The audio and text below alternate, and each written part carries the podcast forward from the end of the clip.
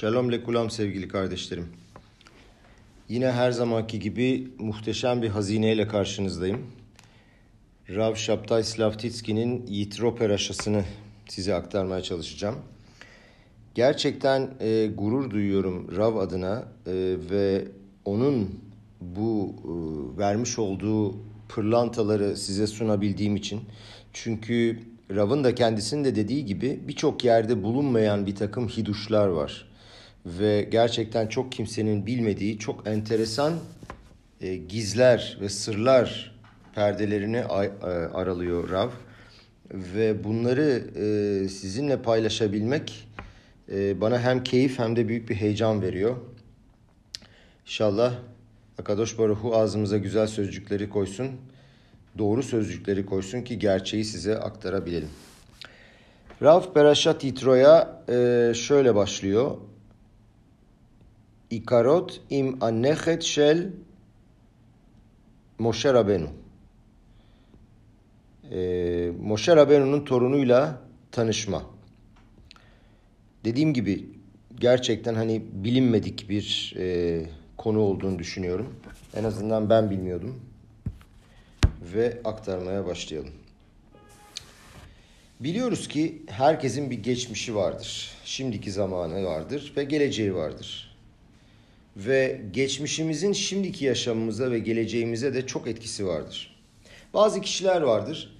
Geçmişte yaşantıları çok iyi geçmemiştir ve bu yüzden umutsuzluğa kapılırlar. Her şeyin bittiğini sanırlar, bunalıma girerler ve kendilerini bundan çıkarmak için de bir kabiliyetlerinin olmadığını düşünürler. Bunun tam tersi de doğrudur. Bazı kişiler geçmişi son derece ihtişamlıdır. Çok iyi bir aileden gelmektedirler. Ve tüm bunlara bakarak derler ki ben kesinlikle başarılı olacağım. Bu hafta son derece göz alıcı ve büyüleyici bir peraşa öğreneceğiz. Ve e, Rav'ın burada söylediği gibi başta tekrar ettim. E, çok kişinin tanımadığı bir konulara gireceğiz. Moshe Rabenu'nun torunu hakkında konuşacağız. Moshe Rab, e, Torun müthiş fevkalade bir aileden gelmekte. E, düşünün Tora'yı İsrail halkına getiren Moshe Rabenu'dan bahsediyoruz. Moshe Rabenu hepimiz tanıyoruz. Kimdi onun torunu? Bir bakalım. Tora diyor ki Moshe'nin iki tane oğlu vardı. Birisi Gershom ve öbürü Eliezer. Gershom'un bir tek oğlu vardı.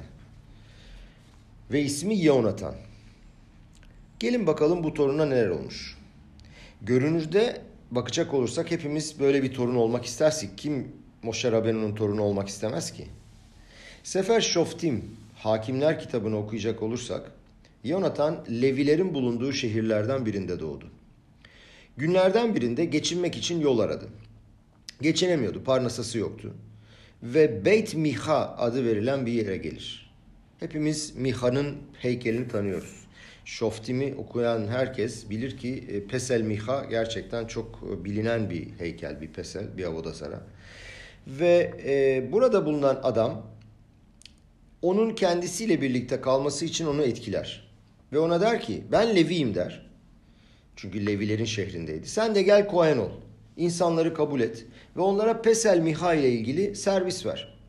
Tabi buradaki Kohen olmak demek bizim bildiğimiz anlamda Kohen değil ama hani rahip ol. Ee, buradaki o tanrısal işlere onların onlara göre o, o işlere hizmet et. E, Yonatan başlangıçta bunu kabul etmedi ve oradan gitti. Ve daha sonra kendisine Miha bir sürü şey söz verince ve bir sürü şey teklif edince dayanamadı ve geri döndü. Ve Miha Avodazarası için Kohen olmayı, rahip olmayı kabul etti. Birkaç sene geçer ve e, Dan kabilesinden ona gelirler. Orayı fethetmek için yer arıyorlardı Dan kabilesi ve ona misafir olurlar. Ve Miha heykelini görürler ve onu çalmak istediler. Yonatan onların heykeli çalacaklarını duyunca onları uyardı. Fakat şöyle dediler. Bak der. Sen susarsan ve bizim onu çalmamıza izin verirsen seni alırız bizle beraber ve Dan kabilesinde bütün kabilenin bu Pesel Miha'nın rahibi olmanı sağlarız. Büyük bir onur onun için. Vayakumu laim bnei Dan eta Pesel ve Yonatan ben Gereshom ben Menashe Özellikle söylüyorum ben Menaşe çünkü ben Menaşe ne olduğunu anlayacağız şimdi. Hu hubanav ayu koanim le şevet adani adyom galut aretz. Ve yasimu laemeta pesel miha aşerasa.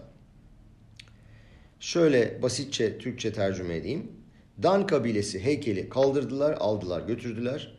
Ve Gerşom'un ve Menaşe'nin oğlu olan Yonatan ve oğulları ülkenin kurtuluş gününe kadar rahip oldular ve onların yaptığı heykeli önlerine koydular. Gemara sorar. Ne demek istiyorsun Yonatan ben Gerşom ben Menaşe? Ne demek Menaşe? Menaşe'nin ne alakası var? Çünkü biz biliyoruz ki o Menaşe'nin değil Moşe'nin torunu. Moşe'nin oğlu Gerşom ve Gerşom'un oğlu. Dolayısıyla Moşe'nin torunu. Gemara burada enteresan bir şey söylüyor. Diyor ki Tora'da Menaşe'nin yazılı olduğu satıra bakacak olursak ben bakmadım.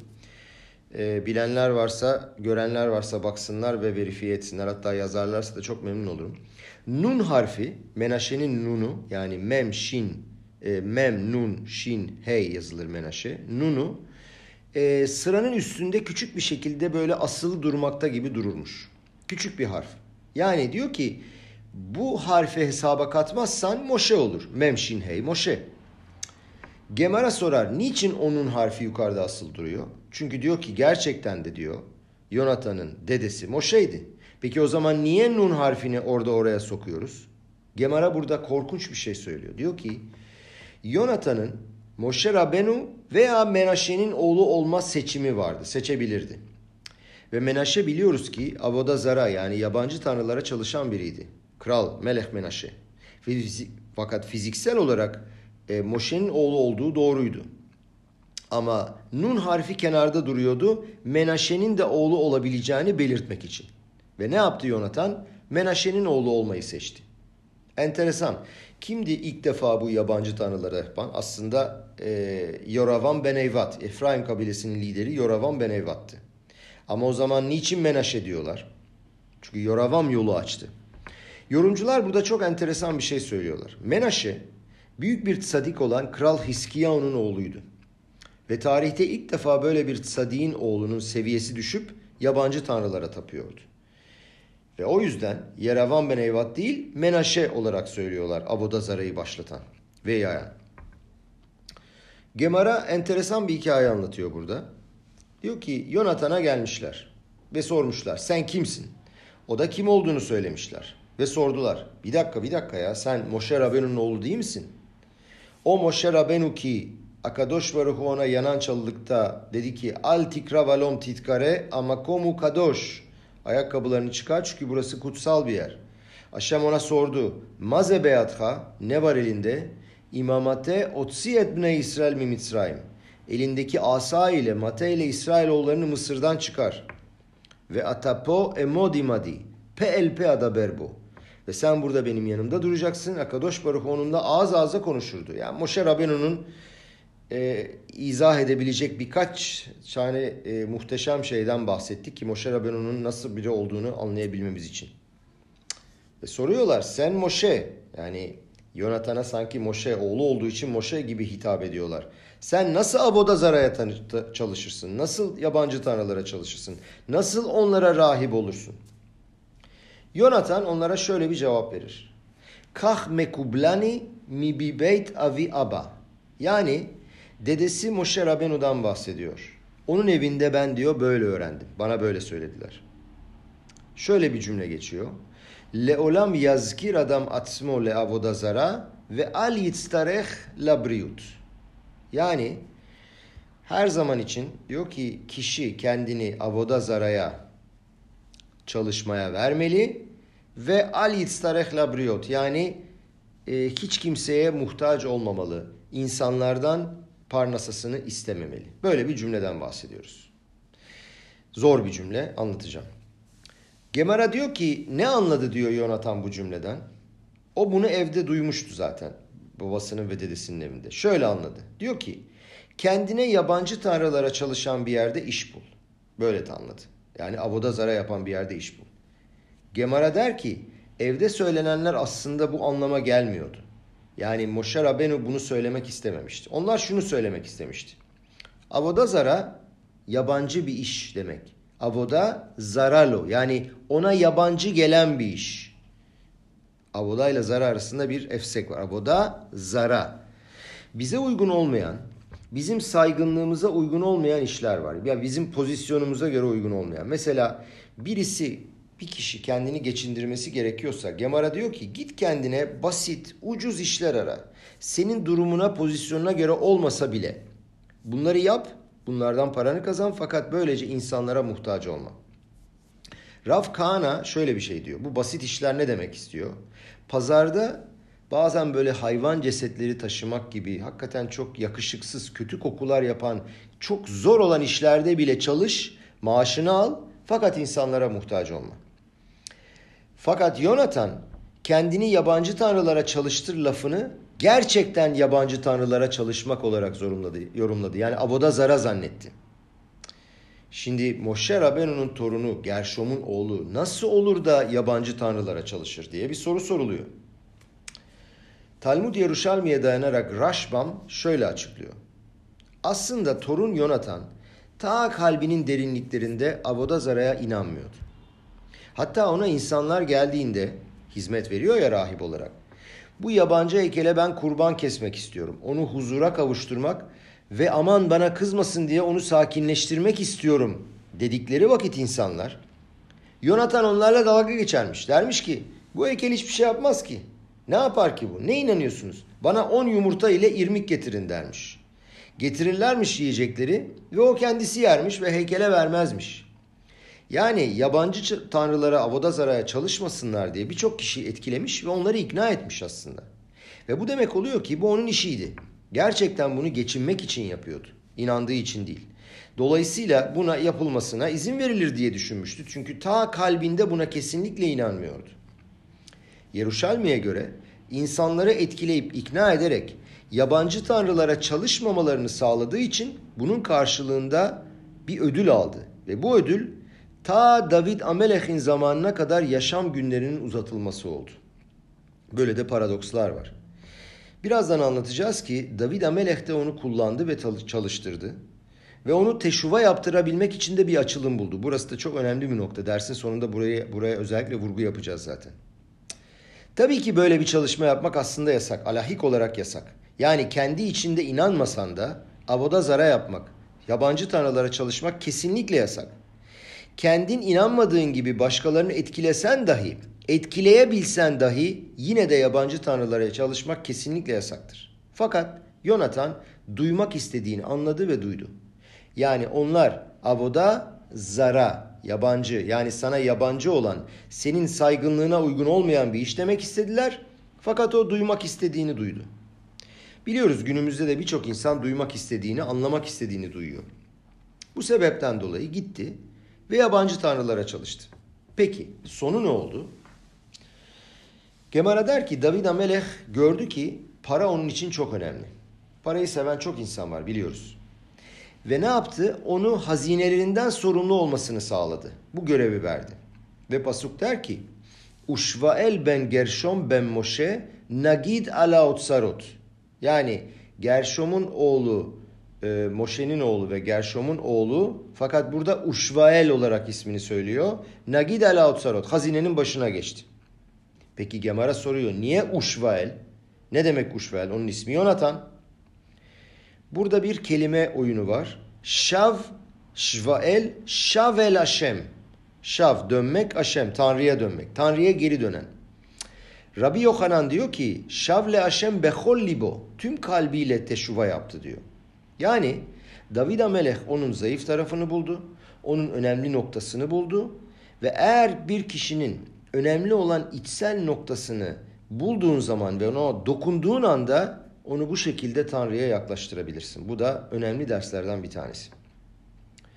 Peki gelin bakalım bu hikayenin aslında ne anlama geldiğini daha derin ve içsel bir şekilde anlayalım. Mehilta'da başka bir midraş daha var.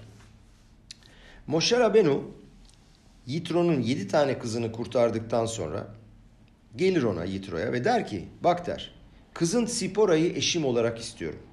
Yitro der ki tamam kızımı sana vereceğim. Yalnız söyleyeceğim şeyi kabul etmen şartıyla. Şöyle der Yitro Moshe Rabbeinu. Burası çok çarpıcı. Ben şeyye le hathila yiye le avoda zara. İlk doğacak olan oğlun yabancı tanrılara çalışacak. Mikan ve Ayla Leşem Şamayim. Ondan sonra birinciden sonra olan çocukların Aşem, Leşem Şamayim olabilirler. Aşem adına çalışabilirler. Ama ilki yabancı tanrılara çalışacak. Ve Moşe Rabenu bunu kabul etti. Yitro Moşe'den yemin etmesini istedi ve Moşe Rabenu yemin etti. Yani burada gerçekten tüylerim diken diken. Burada soru göklere kadar haykırıyor. Diyor ki nasıl olur da Moşe Rabenu ilk oğlunun yabancı tanrılara çalışmasına razı olabilir? Yani Aşem'e bu kadar inanan Mamin Moşe Rabenu Sipora ile evlenmek istese dahi böyle bir şeyi nasıl kabul edebilir? Ve daha büyük bir soru daha var. Yitro nasıl böyle bir şey isteyebilir ve böyle bir anlaşma isteyebilir? Bu anlaşma yapmak değil bu şeyi özellikle istedi ve koşul olarak öne sürdü. Ne sebeple böyle bir koşul yapabilir ki? Göründüğü kadarıyla şöyle söylenebilir. Bazı yorumcuların söylediği gibi. Moshe Rabenu vizyonuyla, Ruah HaKodeş ile Yitro'nun sonunda Yahudi olacağını, Giyur yapacağını ve inanan mamin biri olacağını ve dolayısıyla bu koşulun iptal olacağını biliyordu. Bu açıklama yollardan bir tanesi fakat göründüğü kadar basit değil. Niye? Biliyoruz ki Moşe Rabenu gelir ve Yitro'nun kızlarını kovalayan çobanları görür. Midyan'da ve çobanlar niçin kızları kovuyorlardı? Ve ne zamandan beri kızlar babalarının sürülerini otlatmaya çıkıyorlardı çoban olarak? Normalde ya baba çıkar ya onun işçileri yaparlar bu işi. Kızların ne işi var kuzuları otlatmakta? Midraş şöyle diyor. Yitro yıldızlara çalışan bir rahipti. Ve gördü ki burada hiçbir gerçeklik yok, hiçbir gerçek mana yok. Baktı ki bu gerçeği ifade etmiyor ve bununla dalga geçmeye başladı. Ve kendi çalıştığı ve hizmet verdiği şehre gitti. Ve onlara şöyle dedi. Şimdiye kadar size hizmet verdim fakat artık yaşlandım. Yitro bu işten kurtulmanın bir yolunu arıyordu ve artık rahip olmak istemiyorum. Bilirsiniz kalpten çıkan şeyler kalbe girer. Ve dolayısıyla söyledikleri kendi şehrindeki insanlar olayı anladılar ve gerçekten ne demek istediğini e, gördüler. Ve bundan sonra dediler ki hiç kimse senin için çalışmayacak. Madem ki böyle yaptın, madem ki artık bizim rahibimiz olmayacaksın, kimse senin sürülerini otlatmayacak, senin evinde de hiç kimse hizmet vermeyecek. Dolayısıyla Yitro'nun başka çaresi kalmadı ve kızları sürüleri otlatmaya çıktı. İşte bu yüzden Moşe Rabenu geldiğinde ve kuyunun başında kızların su çekmek için geldiğini gördüğünde bir baktılar ki bir baktı ki diğer çobanlar kızları kovuyorlar. Niye kovdular kızları? Çünkü Yitro'yu boykot ediyorlardı.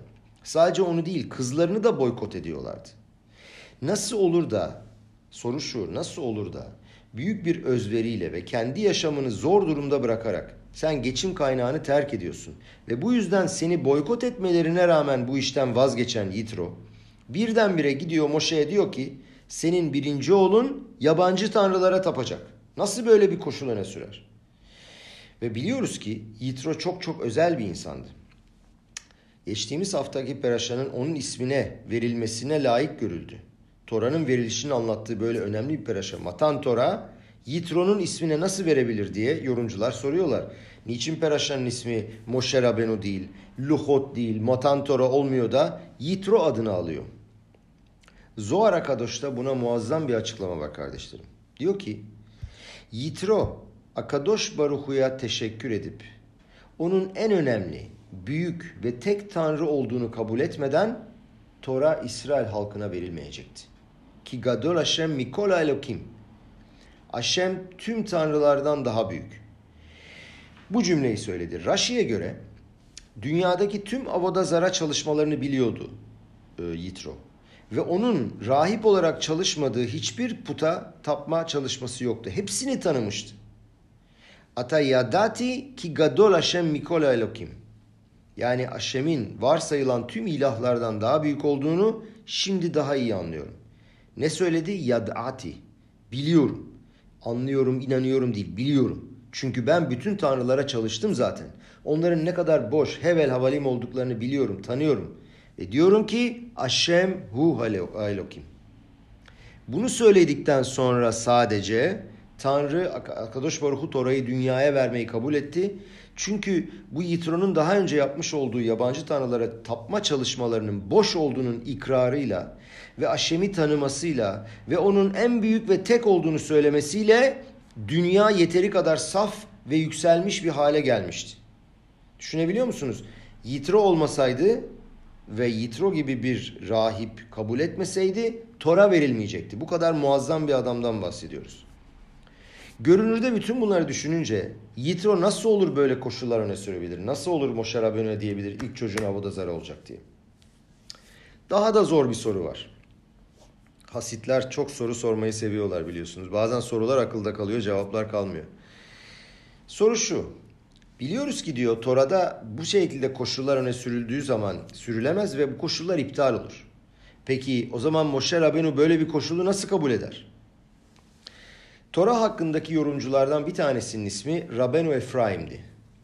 Rabenu Efraim çok enteresan bir açıklama yapıyor. Diyor ki Mapşat şevu amar lo bitnay şeyyele habenle avodazara. Neydi diyor basit anlamı diyor. E, avodazara'ya gitmezse sana çocuğu e, kızımı vermem diye. E, demişti ki işte ilk oğlun yabancı tanrılara çalışacak. Bunun basit anlamı şöyle Rabenu Efraim'e göre. Diyor ki daha evvel söylediğimiz gibi leavoda zara. Yani sana uygun olmayan bir iş için. Senin bulduğun duruma uygun olmayan. Şöyle bir açıklama getiriyor. Diyor ki Midyanların örf ve adetlerini öğren. Onların dilini konuş. Onların kıyafetlerini de giy. Yani Avodazara için çalışmak demek bu yukarıda saydığımız şeyleri yapmak. Dolayısıyla onlar için çalışmak ve böylece başka kimseye muhtaç olmamak. Yani Yitro Has ve Halil'a git yabancı tanrılara çalış demedi. O ona basitçe Midyanlılara benzesin demiş. Dillerini öğrensin, kıyafetlerini giysin, onlarla birlikte çalışsın. Fakat gidip de yabancı tanrılara çalışsın demedi. Bakalım bu olayların derinliği ne? Yitro burada ne istedi? Moşe niçin razı olmadı? Daha doğrusu istemeden, mecburiyetten bir kısmına razı oldu. Fakat meğerse Moşe Yitro'nun gerçek manada istemiş olduğu şeye razı olmadı. O kendisinin yorumladığı başka bir anlaşma yaptı. Biliyoruz ki daha önceden uyuşturucuya ve alkole bağımlı olanlar ve sonra ondan kurtulanlar bu şeylerden kaçmak gerektiğini en iyi anlayan ve bilen kişilerdir. Ve e, bu durumlarda bu durumlardan geçip çok kötü bir şekilde etkilenen kişiler aynı olayları gördükleri zaman da inanılmaz derecede alerjik olurlar ve bir daha gördüklerinde müthiş derecede etkilenirler ve uzak durmaya çalışırlar. Çünkü bu olayları kendi içlerinde, karnında ve bedeninde hissederler. Çünkü daha evvel yaşadılar. Hasta olmuş ve bunun sigara yüzünden olduğunu gören ve bilincinde olan bir insan gibi. Günümüzde bazı kişiler kontrol olmaya hastaneye gidiyorlar ve göğüs röntgeni çektiriyorlar. Sigara içerken göğüslerin içinin dumanla kaplı olduğunu görüyorlar. Bunu gören insan bu tip problemleri çok daha kuvvetli bir şekilde ta içinde hisseder. Fakat başlarından böyle bir şey geçmemiş. Hayatı boyunca ne uyuşturucu, ne alkol, ne sigara içmemiş insanlar bu tip şeyleri anlayamazlar dahi. Bu kadar etkilenmezler. Yani başka birisi bu duruma düştüğünde alarm zilleri çalmaz. Ve o kadar paniğe de kapılmaz. Çünkü bunu hissedemez. İşte balet şuvanın gücü bu. Yani teşuva yapan, daha sonra hayatında bir sürü şey geçirip daha sonra teşuva yapanlara bale, baley teşuva diyoruz. Bunların gücü bu. Makom shel baale teşuva omdim en sadikim gmurim yeholim lamod.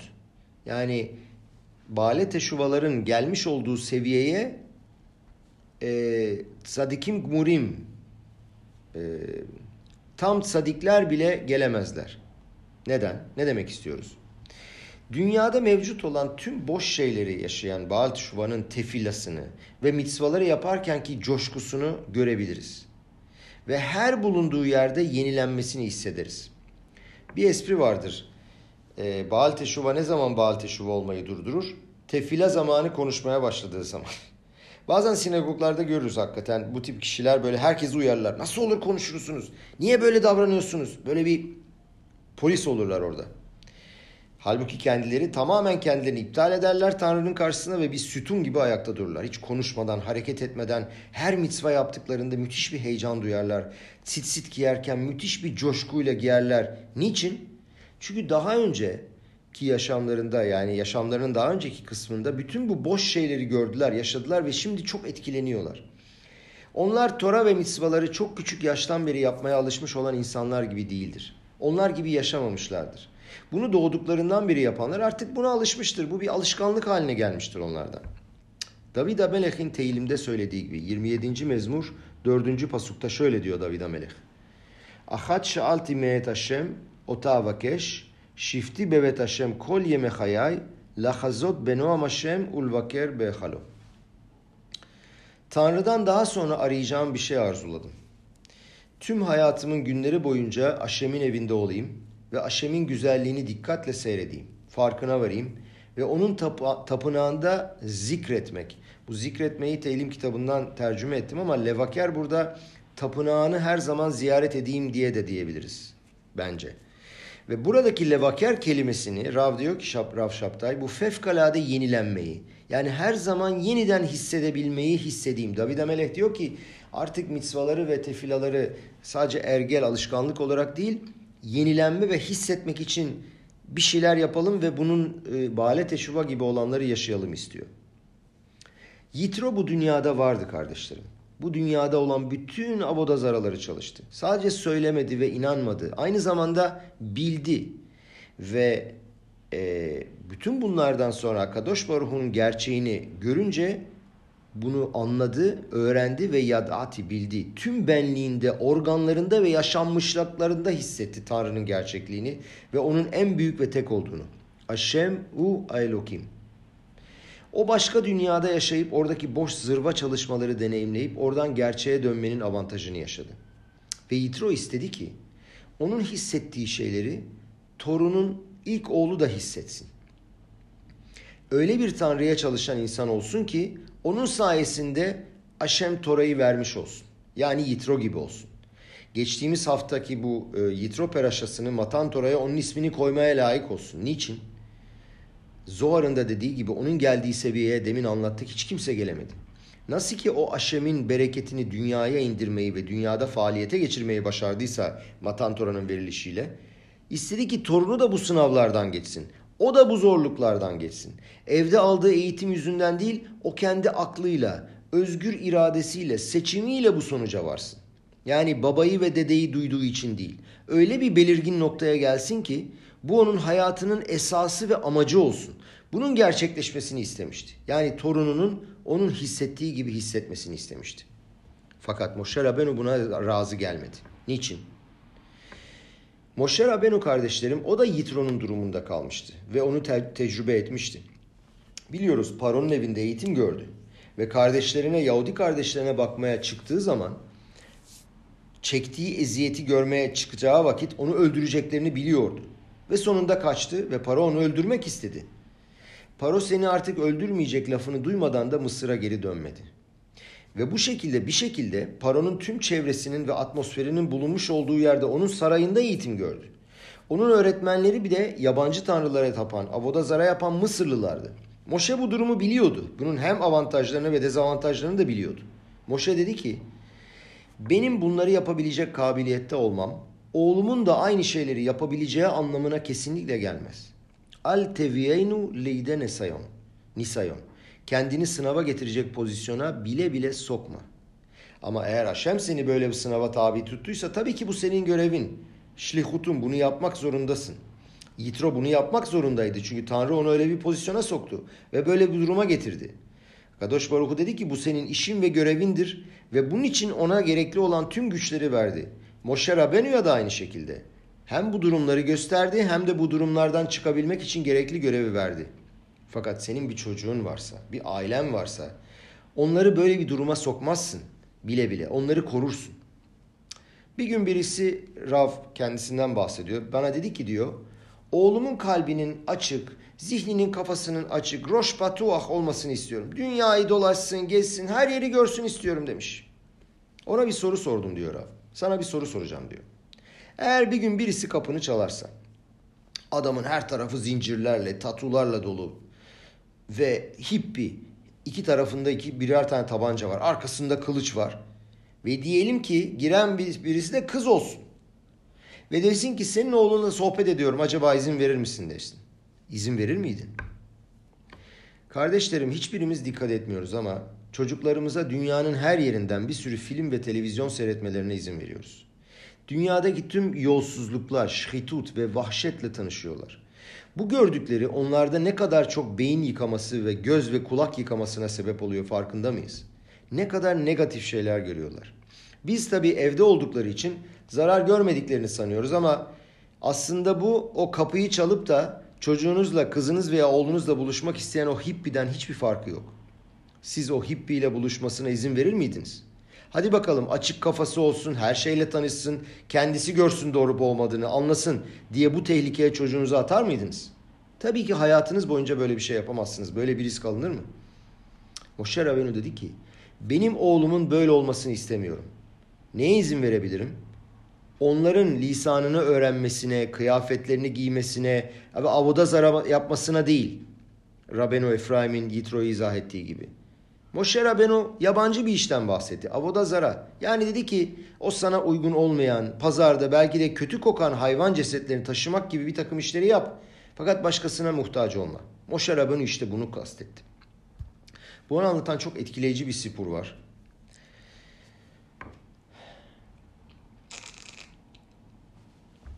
...1938 yılında... ...Şoa'dan önce... ...Avrupa'dan birçok Yahudi çocuğunu kurtarıp e, çıkardılar ve onları İngiltere'ye götürebildiler.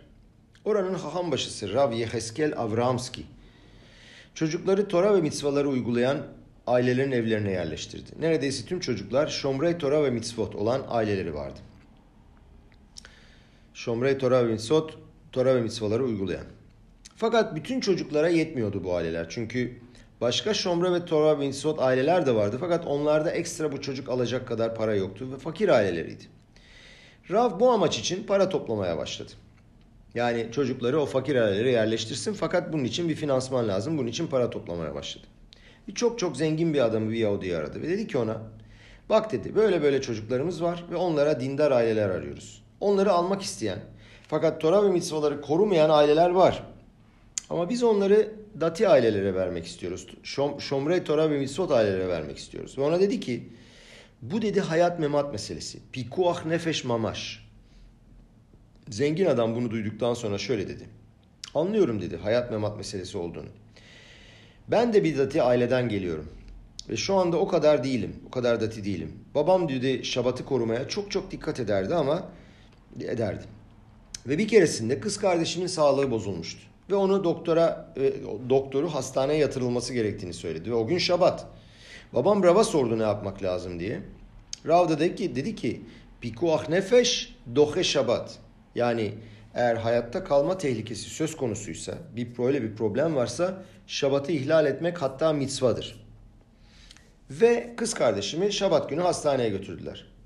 Dedi ki pikuah nefeş demek dedi. Eğer bir takım şeyler yapılmazsa o insan hayatta kalamaz demektir dedi.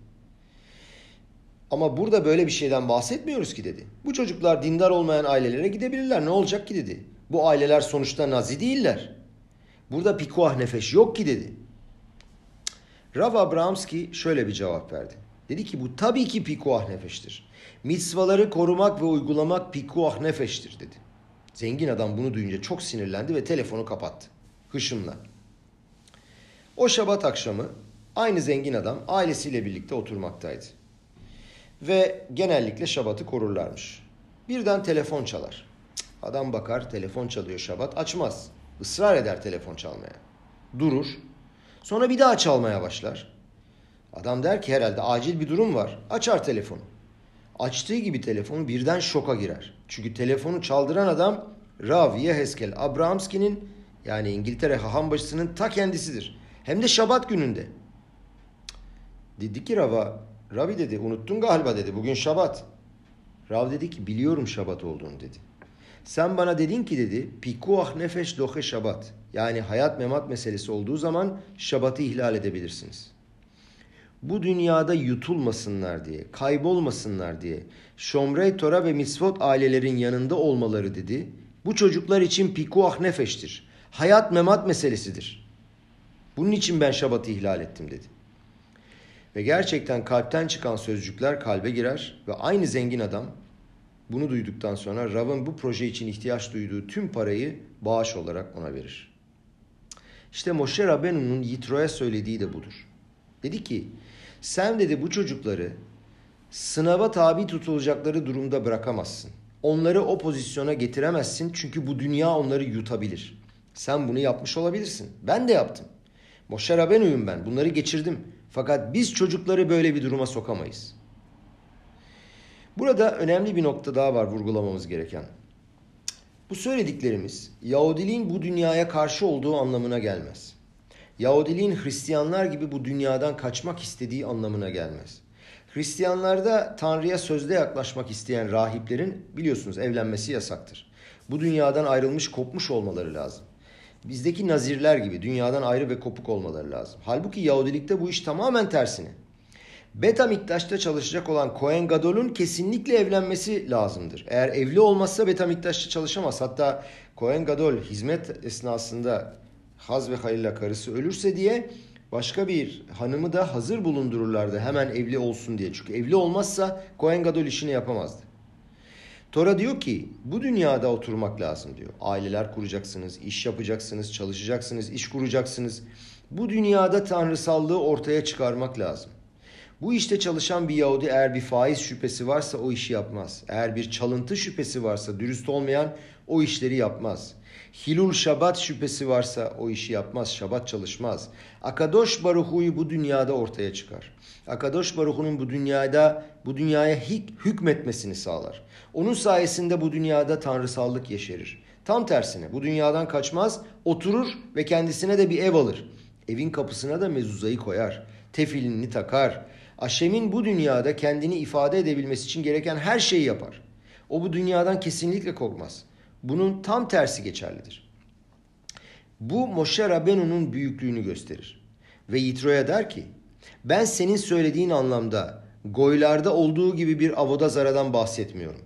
Onlarla yemek yemesini, onların kıyafetlerini giymesini, onlar gibi olmasını, bunlarla savaşıp bunlarla başa çıkıp bunlardan kuvvetli çıkmasını istemiyorum.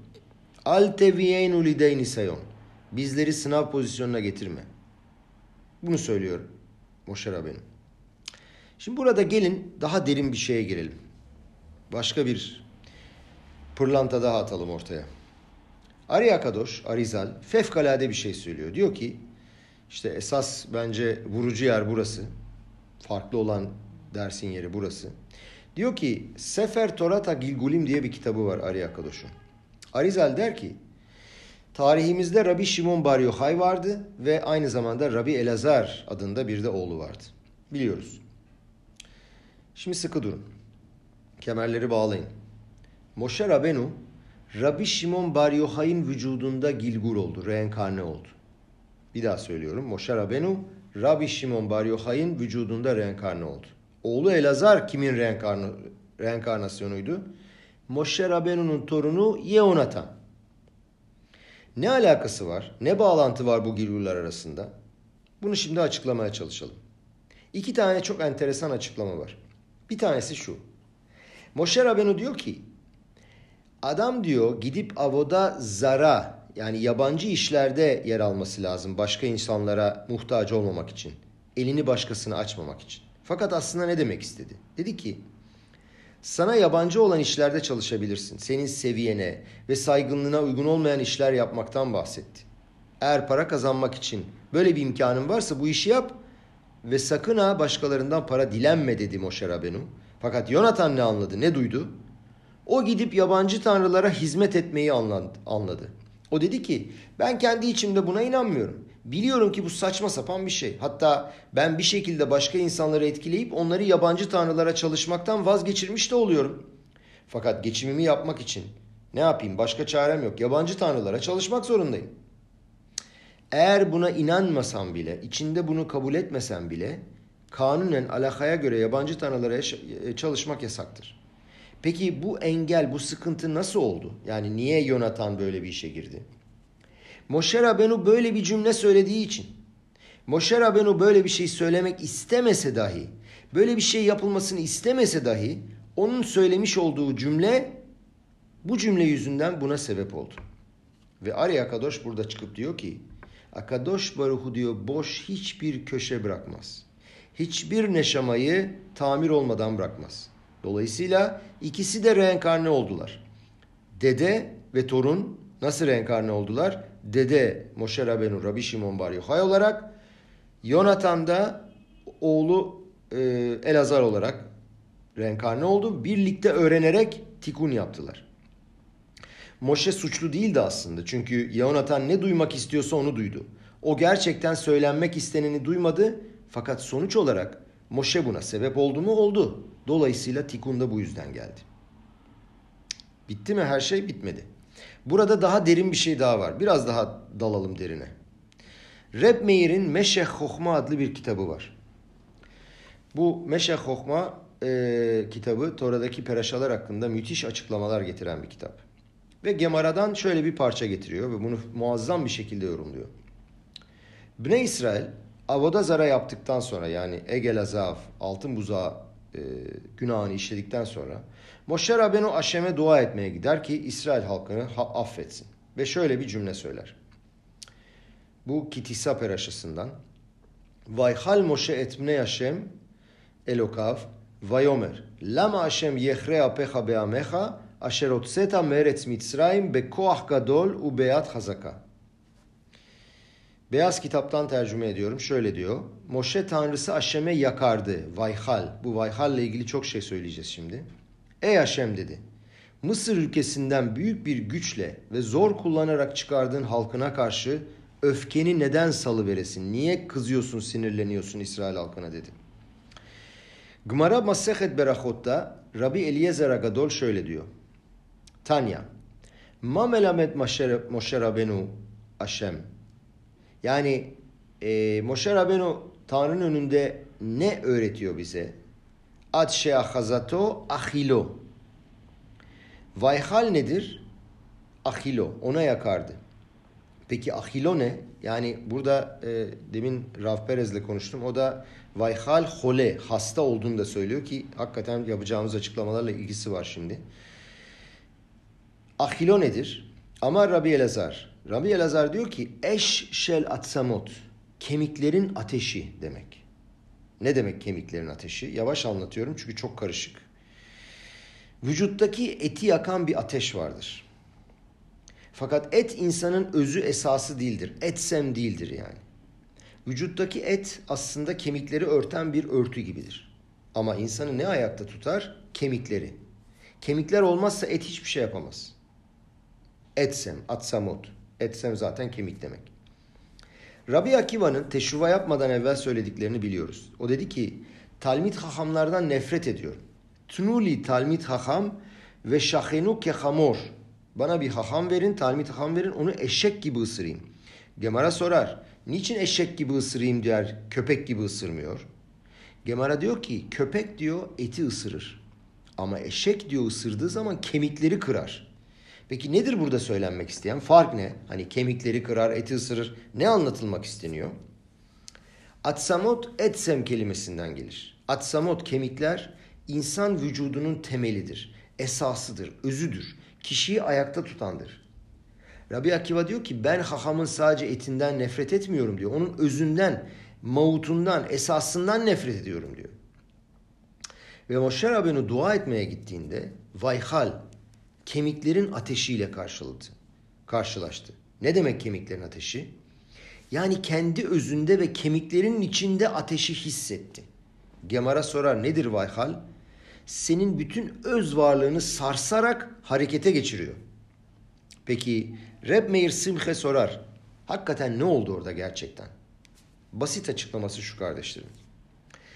Moshe Rabenu İsrail halkının bu hatayı yaptığını görünce ona büyük bir acı verdi bu. Çok çok üzüldü. Ona öyle bir acı verdi ki ta kemiklerin içi sızladı. Derler ya kemiklerin içi sızlamak Türkçede de var. Gerçekten buraya çok uygun.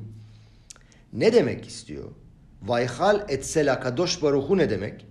Meşe Hokma burada muazzam bir açıklama getiriyor. Diyor ki biliyoruz ki diyor İsrailoğulları Mısır'da çok eziyet çektiler. Orada onlara çalışıp Mısır'daki piramitleri inşa etmelerini emrettiler. Ve eğer birisi yapmadığı zaman bu görevi ona vurdular, onu dövdüler.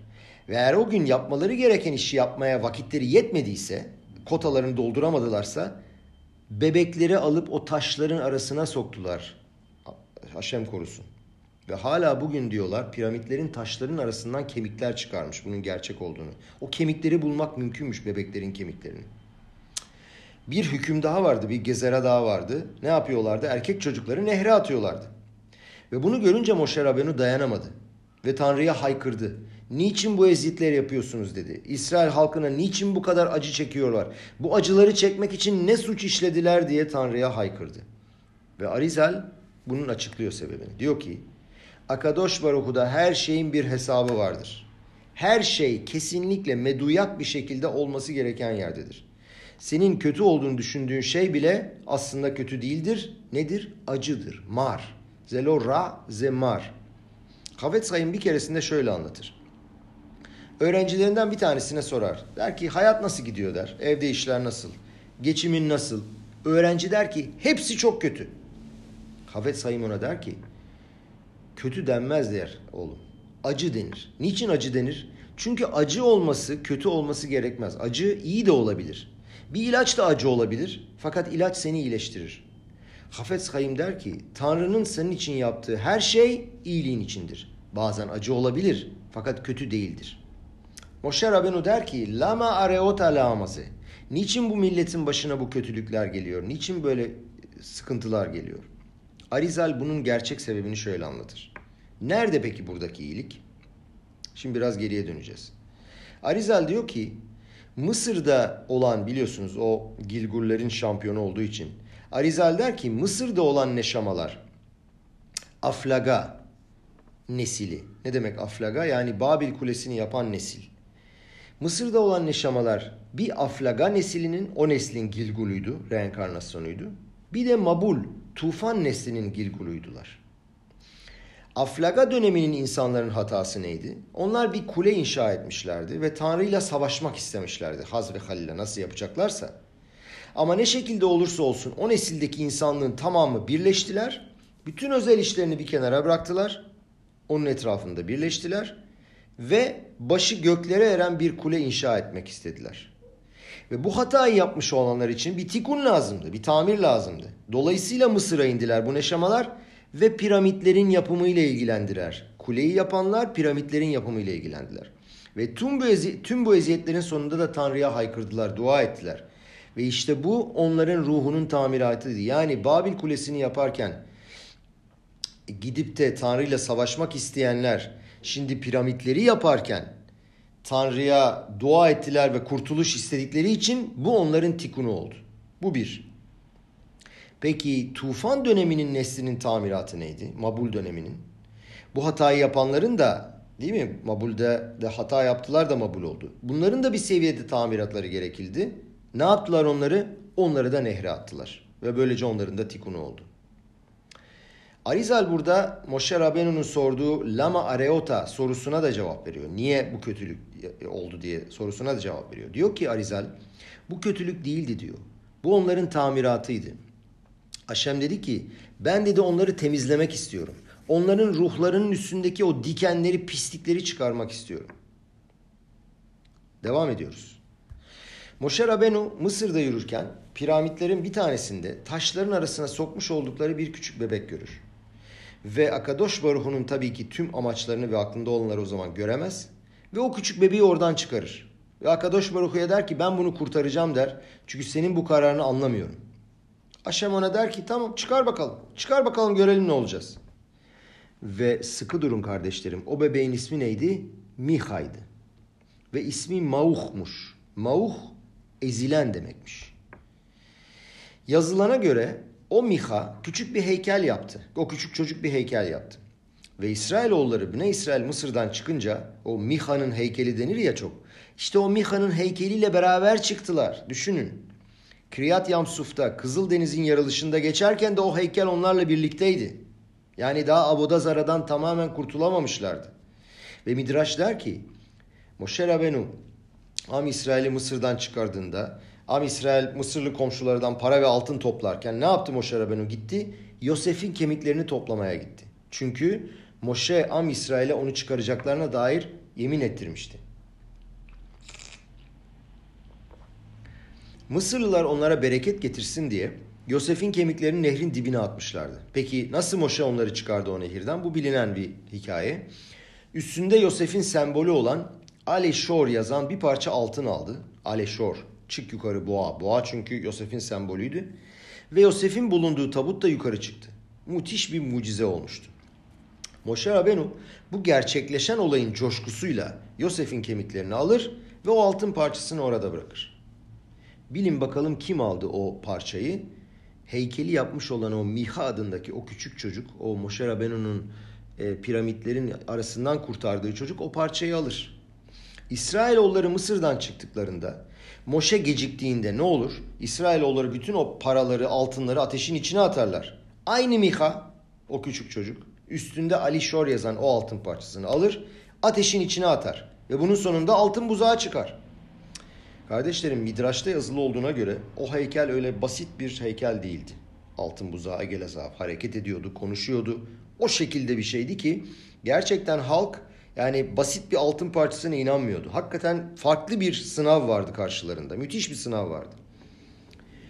Moşe Rabenu bütün bu olayları görünce yani başından sonuna filmin başını ve sonunu görünce dedi ki ben ne yaptım dedi ya. Ben bir çocuğu kurtardım ve bu çocuğu kurtardığımdan dolayı Miha heykeli oluştu. Aynı çocuk yüzünden Egel Azav altın buzağı oluştu. Ve eşşel atsamot ba'ar be Moşe. Yani içindeki kemiklerin ateşi alev aldı. Bunları bütün görünce içi burkuldu ve alev alev yanmaya başladı. Moşe dedi ki bütün bu olanlar benim elimden oldu, benim yüzümden oldu. Fakat henüz her şey bitmedi. Aynı Miha, aynı bahsettiğimiz Miha, o heykeli yapan çocuk Miha, Moşe Rabenu'nun torununu kendi evinde çalıştırdı. Başta söyledik ya hani Yonatan gitti, Miha ona gel dedi benim koyenim, koyenim ol diye. İşte bu Miha'ydı. Yonatan gitti bu sefer orada da çalıştı. Bakın Miha nelere sebep oldu. Ve Moşe Rabenu bunu da görünce o kemiklerindeki ateş nasıl yanıyordu. Ben bu çocuğu kurtardım dedi. Bak dedi neler çıktı. Eyn etsa ve ent vuna neget. Haşem'e karşı Haşem'in yaptıklarında ne anlayış ne de bir tavsiye vardır. Haşem diyor ki her şeyin tamiratı mümkün. Merak etme dedi Moşe. Dolayısıyla Moşe Rabenu, Rabbi Shimon Bar Yochai olarak reenkarne oldu. Yonatan da Rabbi Shimon Bar Yochai'nin oğlu Elazar olarak reenkarne oldu. Ve ikisi birden bu hatayı tamir ettiler. Şimdi gerçekten niye reenkarne olduklarını anlayabiliriz. Moşe Rabenu'nun kemiklerinde olan o ateşi tamir etmek içindi. Rabbi Shimon Bar Yochai geldi. Yonatan da yabancı tanrılara inanmadığı halde yasak olan Abodazara'ya çalıştığı için onda oluşan o lekeyi tamir etmek için de Rabbi Elazar olarak geldi. Bütün bunlardan ne öğreniyoruz kardeşlerim? Buradan müthiş öngörüler çıkarmak mümkün. İlk olarak şunu öğreniyoruz. Öleceğin güne kadar kendine sakın inanma, güvenme. Moşe Rabenu'dan örnek alalım. Onun torununa bakalım. Kesinlikle inanmayın kendinize. Sınava sokmayın. Yitro'yu dinleme. Onun içinden büyüyebilmek amacıyla kendini bariz sınavlara sokma, bunlara inanma. Öte yandan bir şey daha öğreniyoruz.